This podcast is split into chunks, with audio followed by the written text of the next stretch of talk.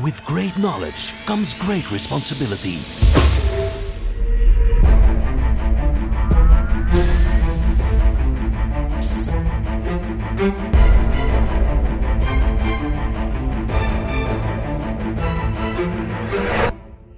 Fifty-two topics by Maarten Bové en Kevin Couvreur. Weer een nieuwe week, Maarten. Een nieuw, Een nieuw week, topic. Een nieuw topic. Ja, waar hebben we het vandaag over? Wel, we gaan een stukje verder hè, binnen het Cloud-universum.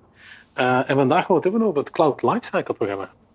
Cloud Lifecycle programma. Als ik het even beredeneer, dat wil eigenlijk zeggen dat dat een stukje tools gaat zijn om te beginnen aan ons cloud-avontuur? Of, eh, Ja, een stukje beginnen. Hoe ga je om binnen de cloud Ja. je erin zit? Eigenlijk de volledige set van tools en van zaken. ja, globale aanpak. Ja. En weet je, en dat is wel een heel belangrijke, ja, lifecycle management in binnen IT is iets dat we altijd al hebben gedaan. Ja, dat klopt. Want ja, uiteindelijk, zoals we het in een van onze vorige eh, topics hadden, ja, het on-prem verhaal, we moesten op een regelmatige basis onze infrastructuur vernieuwen, software vernieuwen, updaten, ja, managen. Dus alles is een stukje lifecycle. Hè? Ja, klopt. En zeker, eh, cloud is heel dynamisch. Ja, dus daar moet je natuurlijk ook eh, rekening Ja. mee houden. Nu, we hebben een heel eenvoudig stappenplan eigenlijk eh, hier eh, afgebeeld. Eh, van stappen die je moet nemen als je nog niet op Azure zit, Ja. hè, nog niet op cloud zit. Eh, we hebben dat eigenlijk heel eenvoudig gemaakt. Hè. Vier grote stappen. Oké. Nu, ja, het begint natuurlijk allemaal, en dat is natuurlijk heel, een hele belangrijke, is ja, je moet je organisatie klaarmaken. En dat is eigenlijk het strategische gedeelte, hè, de cloud-strategie. Dat gaat niet alleen over, wat heb ik nu technisch nodig? Dat heeft ook te maken met, ja, wat hebben mijn mensen nodig? Ja. Eh, kennen mijn mensen al iets van Azure of niet? Ehm, dat is een hele belangrijke ook trouwens. Onderzoek toont aan dat als je jouw teams binnen een bedrijf opleert rond Azure Basics en Azure Management, dat de adoptie hè, van nieuwe technologie, zoals Azure, veel sneller loopt en veel efficiënter. Dus we gaan eigenlijk niet echt uit, als we daarover beginnen, dat we niet over een simpele lift en shift spreken. Hè. Het is niet dat we wat we vandaag hebben, gewoon in die cloud gaan dumpen. Hè. Nee, dat is het zeker niet. Ja. Misschien is lift en shift nu wel een eh, moeilijk woordmoment, Kevin. Maar eh, ja, lift en shift wil inderdaad zeggen dat we van een on-premise infrastructuur de, ja, de zaken gewoon één op één gaan overnemen. Kopiëren En eigenlijk naar de cloud, Ja, copy-paste. Ja, in zo'n strategische fase zit natuurlijk van alles. Hè. Ehm, je hebt daar eh, ook een hele toolbox van zaken die Microsoft aanreikt in het Cloud Adoption Framework, waar je enorm veel informatie over kan vinden online. Eh, maar wij gaan dus echt kijken naar hoe klaar is die organisatie. Hè? Op technisch vlak eh, is er een businessplan, Ehm, is de CFO bijvoorbeeld op de hoogte, want Ja. het financiële model verandert een stukje van een puur CAPEX-OPEX mix model naar een OPEX model. Ja. En ook het, het verhaal, denk ik, van welke strategie past het best voor het type bedrijf. Hè. Ik denk dat ook ja, verschillende bedrijven ook andere noden hebben. Ik denk een maakbedrijf of een dienstenbedrijf, dat dat ook alweer verschillend kan zijn. Elke omgeving is uniek. Ja. Net zoals een bedrijf uniek is, eh, elk businessmodel een stukje uniek Ja. of eigen aan dat bedrijf, absoluut. En in die fase is het ook heel belangrijk hè, dat er een goede scope wordt bepaald. Wat is in die building blocks die we gaan nodig hebben?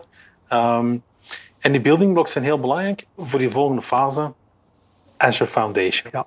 De basis leggen, de basisblokken gaan kiezen, heb ik het juist? Ja, klopt, klopt, klopt. Hè? Dat is een stukje zoals een huis bouwen. Ja, in deze fase heb je met je architect alles eh, afgesproken, Ja. hoe dat er moet gaan uitzien. Ehm, en nu gaan de werkzaamheden beginnen. Eh, en dat begint natuurlijk echt met de fundering, hè? met het Ja. afgraven, et cetera, et cetera. Ehm, ik denk, ja, hier zitten een aantal eh, complexere termen in. Ja. Ehm, maar wel een, een zaak die ik high level mee kan geven. En we zullen er later nog op, eh, op dieper op ingaan in andere sessies. Is ja, vandaag de dag een Azure-omgeving opzetten puur via de portal. Hè. Ja, dat kan iedereen. Maar we merken toch dat dat niet meer de best practice is. Hè. Dus zoveel mogelijk automatiseren. Ja.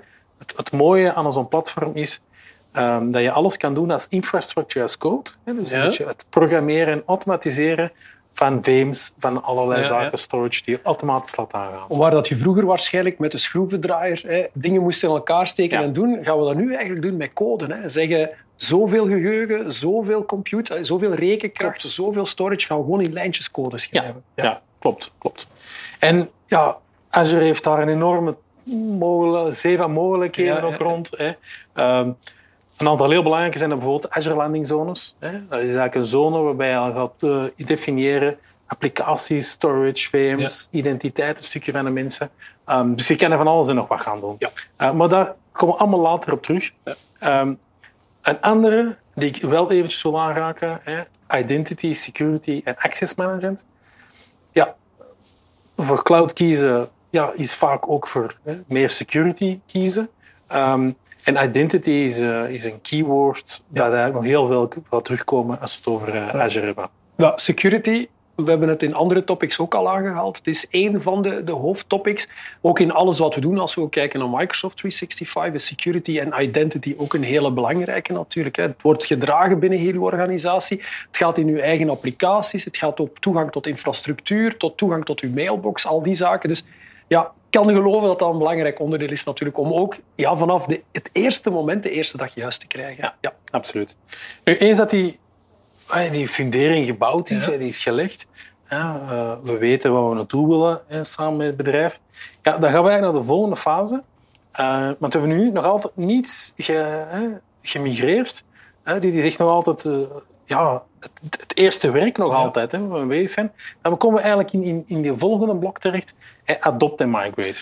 Mag ik even een analogie maken? Dus wat we hier gedaan hebben in stap 2 is eigenlijk, we hebben het rek klaargezet, we hebben de kabels klaargelegd. Alles is eigenlijk nu klaar om, laten we zeggen, wat we doen, er te gaan inschuiven. Is dat juist? Klopt, klopt, ja, klopt. Ja.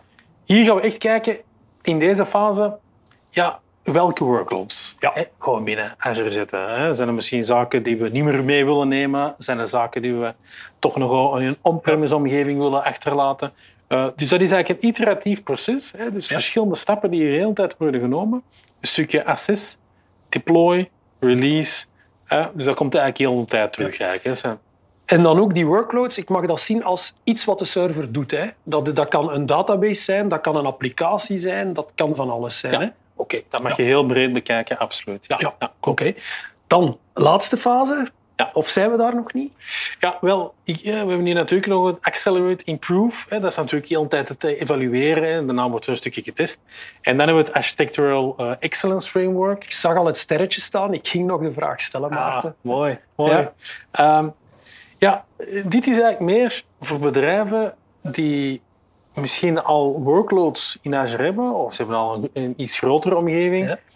maar die toch niet helemaal tevreden zijn met het resultaat. Ja. Hè. Misschien de kosten, performance, kunnen verschillende redenen zijn. Dit is eigenlijk een speciaal framework eh, voor bedrijven om ze te helpen om zaken te optimaliseren. Ja, oké. Ik denk ook wel belangrijk, hè? want ik denk dat veel bedrijven of, ja, toch al geëxperimenteerd hebben met Azure. Ja, als je Ja. al in het Microsoft 365-ecosysteem zit, de, de stap naar Azure is vrij klein. Wie heeft er alles een server op gezet? Wie heeft er alles wat geëxperimenteerd? En van dat experimenteren misschien eigenlijk al iets live hebben gezet ook. Hè? Dus Ja, eh, ja. gebeurt ook veel. Hè? Ja, het, het is niet moeilijk om iets op te zetten binnen Azure, ja, maar om het allemaal perfect te doen volgens de regels van de kunst, eh, ja, vergt wel wat competentie en toch wel wat inzicht natuurlijk. Ja, absoluut, Ja. absoluut. Oké, zeker goed dat we weten dat we, ook al zijn we begonnen, dat zeker geen verloren tijd is. Nee. We kunnen het zeker, Zeker in een breder verhaal brengen. Ja, de laatste stap dan eh, in dit eh, framework. Ja, cloud governance. Hè. Eh, eens dat de omgeving er is, zijn er natuurlijk nog een hele hoop stappen die we verder kunnen zetten. Ja. Eh, dat is vaak een roadmap naar de toekomst toe. Hè. Er zitten verschillende zaken in. Security is daar eh, toch wel een van de belangrijkste. Rode draad, hè? Rode ja, draad. absoluut. En natuurlijk ook kostmanagement. Hè. Ehm, een risico is altijd natuurlijk, als we naar, naar eh, zoiets als Azure verhuizen, dat de kosten uit de span, pan beginnen te Ja. swingen. Ehm, er zijn verschillende redenen voor, ehm, maar daar komen we later nog op terug. Ja. ja, zeker en vast. Kostmanagement. Ja, hoeveel zijn er al die niet van een kale reis zijn teruggekomen? Ja, die in Azure, dat kost toch allemaal veel geld en, en je hebt er geen controle over. Ja, we zitten daar een stukje ook in eigenlijk al die stappen die ervoor moeten zorgen dat we daar ook een heel gedegen aanpak voor hebben. Klopt. Ja. Eigenlijk, ja, die, die foundation eigenlijk alleen al kan al een invloed hebben op Voilà, kosten. voilà, hè. Ehm, en ja, ik moet er nog eens zeggen, ik spreek het vaak tegen dat, dat Azure en public cloud duurder is. Dat Ja. is eigenlijk niet waar. Ehm, maar ja, als je bepaalde zaken niet aanpakt, dan, ja, dan kan het natuurlijk wel de hand lopen. Dus ik denk inderdaad, kostmanagement, dat dat zeker nog een topic waard kan zijn om te gaan volgen. Want ja, het heeft wel een impact uh, op veel. Hè. Ik bedoel, Ja, als het natuurlijk te duur wordt, dan, dan, ja, dan uh, is het misschien niet meer aangenaam en ga je misschien weer op een andere manier gaan Klopt. nadenken. Dus ja, vier eenvoudige stappen. We gaan uit van een hele goede basisstrategie van waar willen we naartoe, wat is onze ambitie. Ja, zorgen dat die basis, die foundation, die funderingen goed zijn in wat dat Azure is, wat gaan we gaan doen. Ja, adoptie en migratie, onze bestaande situatie vertalen binnen onze nieuwe strategie op Azure. En dan natuurlijk alles wat governance is. Hè. Ja, hoe gaan we het controleren? Hoe gaan we het managen? Hoe gaan we de kosten onder controle houden? Ja, het zijn eigenlijk vier stappen die ja, onder dat cloud, Lifecycle Program vallen natuurlijk. Hè. Dus als we dit allemaal gecoverd hebben, Maarten, dan zijn we volledig klaar. Dan zijn we klaar. Super, dan kunnen we Mooi. naar onze volgende topic. Perfect. Tot zo. Hoi.